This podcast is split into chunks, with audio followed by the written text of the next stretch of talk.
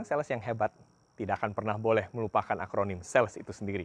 S, A, L, E, dan S. S yang terakhir adalah strategi. Ini yang mau saya bahas hari ini. Kita akan banyak menemukan definisi strategi di internet, tetapi saya hanya ingin memilih satu definisi yang paling sederhana.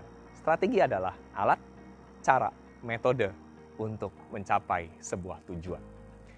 Setiap kita sebagai seorang tenaga penjual, jangan pernah melupakan soal strategi. Anda boleh punya produk yang hebat, Anda boleh punya sistem yang hebat, tetapi kalau Anda tidak memiliki strategi, Anda tidak akan pernah menghasilkan sesuatu yang luar biasa. Di belakang saya ada face target. Dalam dunia penjualan, target pasti menjadi bagian penting. Setiap para tenaga penjual harus mencapai target-targetnya dengan baik. Ada target yang tinggi, ada target yang rendah. Sama seperti ini. 1 sampai dengan angka 10 adalah target. Angka-angka.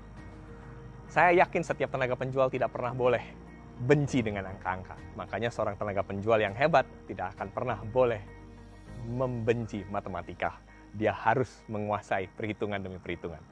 Di dalam dunia sales, apalagi dalam hal strategi, paling tidak ada empat hal yang harus dimiliki dan diketahui.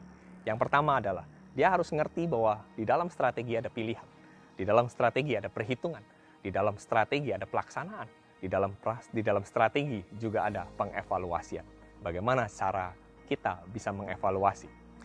Dan saya juga ingin tambahkan di dalam strategi kita harus bisa membagi ya membagi apa? Membagi setiap sumber daya yang kita miliki. Nah, bagaimana dengan busur ini? Busur di dalam dunia sales ini berbicara tentang sistem. Produk kita boleh bagus, tetapi kalau kita tidak punya sistem yang handal, produk ini nggak akan pernah mencapai target yang tepat. Ada sistem yang kuat, saya ambil contoh, busur ini memiliki draw weight-nya 15 kg. Jadi tarikannya adalah 15 kg semakin kencang drawitnya ini, daya dorongnya, daya tancapnya akan semakin dahsyat. Saya punya busur yang kedua. Busur yang kedua, ini adalah busur yang memiliki draw weight-nya 8 kg atau daya tariknya 8 kg, jauh lebih enteng. Makin enteng, makin mudah, makin menyenangkan. Ada sistem yang menyenangkan, ada sistem yang lebih berat. Tapi banyak tenaga penjual hari ini menghindari sistem yang lebih berat dan suka dengan sistem yang sangat sederhana. Nggak apa-apa, nggak salah juga. Tetapi ingat, masing-masing sistem punya keunikan. Keunikan ini harus dibarengi dengan produknya. Saya ingin mengajak kita semua untuk melihat berbagai jenis produk.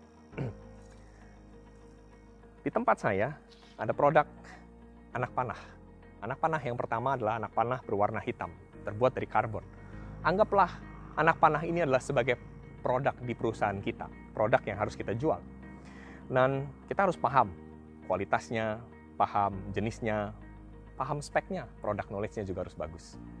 Di sisi yang lain, saya juga memiliki produk yang lain.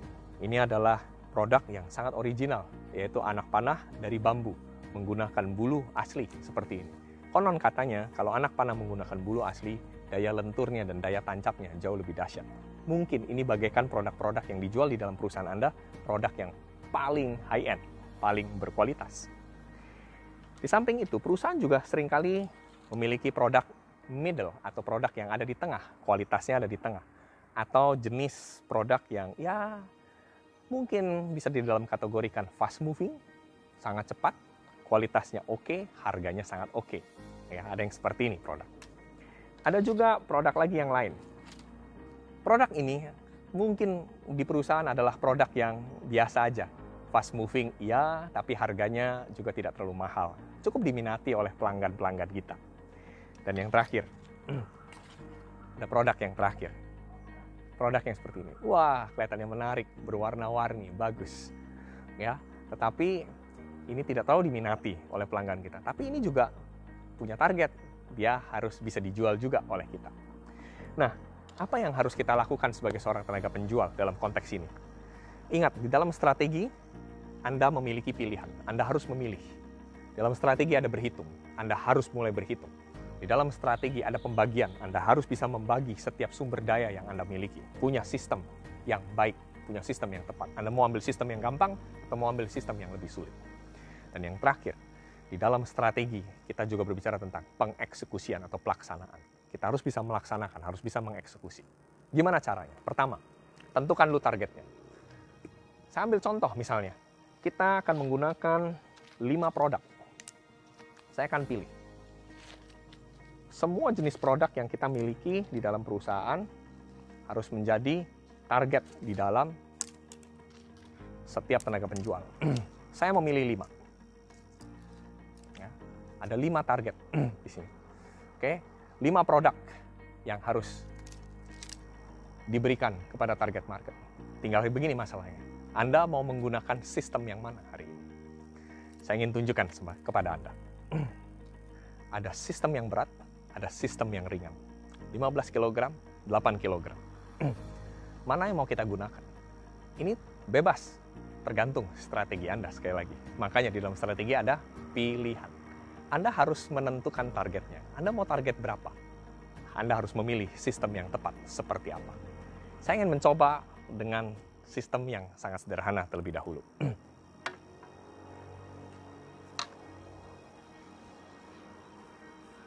Di dalam prinsip yang sederhana ini, ini ringan.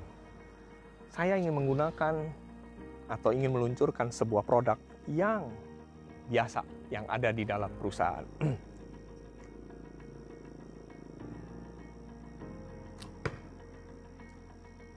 dia lebih lentur. Karena apa? Tarikannya terlalu lentur, terlalu mudah, terlalu enteng. Saya ingin mencoba yang berikutnya.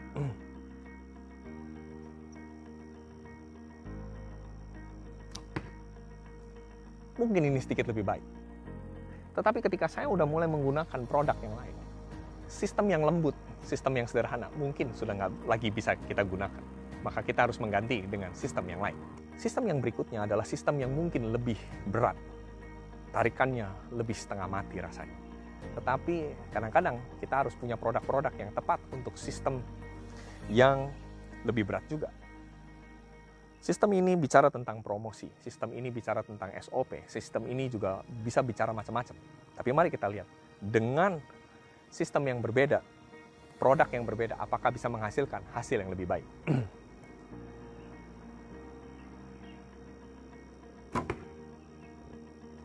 hasilnya bisa lebih baik.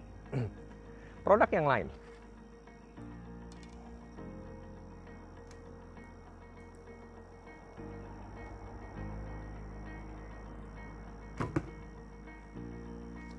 Ternyata bisa lebih baik.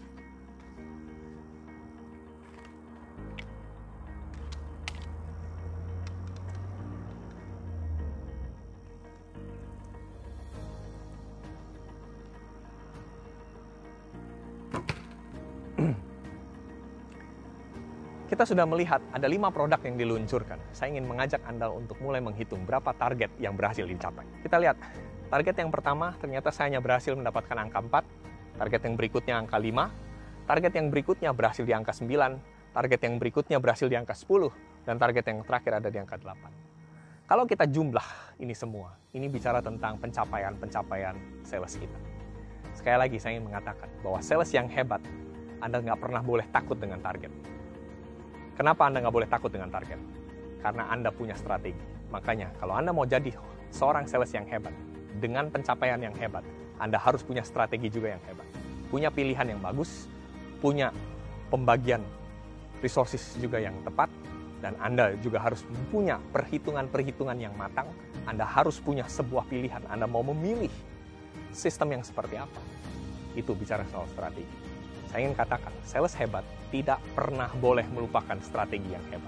Produk Anda boleh hebat, sistem Anda boleh hebat, tapi Anda harus punya strategi yang hebat. Cara Anda memilih, cara Anda menentukan, target market Anda, hitung-hitungannya Anda tidak pernah boleh lupakan. Selamat buat Anda, jadilah seorang sales yang hebat. Anda memiliki S, A, L, E, dan S. Yang terakhir adalah strategi. Jadilah seorang sales yang memiliki strategi yang mantap.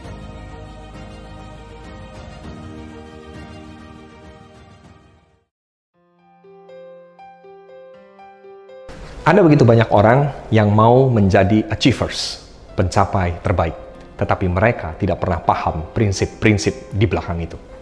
Achievers adalah sebuah akronim yang terdiri dari sembilan huruf dan huruf yang pertama adalah A. A berarti accomplish. Accomplish artinya tuntas, selesai. Di belakang saya ada sebuah tulisan, Remember why you started. Ingat kenapa Anda memulai. Ini adalah hal yang menggugah saya untuk menjadi seorang achievers. Setiap orang yang mau mencapai sesuatu yang besar atau mendapatkan sebuah terobosan yang besar, dia harus ngerti ada apa di ujungnya, ada apa di akhirnya. Banyak orang tidak pernah mengerti dan tidak bisa membayangkan apa yang ada di ujungnya. Seorang achievers yang sejati dia harus tahu ujung-ujungnya harus seperti apa. Nah, untuk kita bisa menyelesaikan atau istilahnya accomplish, tuntas, untuk kita menyelesaikan apa yang tadi kita sudah mulai, ada tiga hal penting yang harus kita ingat. Hal yang pertama adalah kita harus punya gambaran yang jelas dulu sama tujuan akhir. Banyak orang tujuan akhirnya nggak jelas. Anda harus bisa menemukan tujuan akhir dengan jelas. Siapakah orang yang bisa menolong Anda untuk bisa menemukan tujuan akhir dengan jelas? Siapa pun. Orang yang ada di sekitar Anda bisa menolong Anda untuk mempertajam tujuan akhir Anda. Orang yang ada di dekat Anda, istri, anak, pemimpin Anda, bahkan mungkin anak buah Anda bisa memberikan sebuah gambaran tujuan akhir dengan jelas. Anda hanya bisa jadi achievers kalau Anda punya gambaran yang jelas. Hal yang kedua, anda harus mempunyai batas-batas.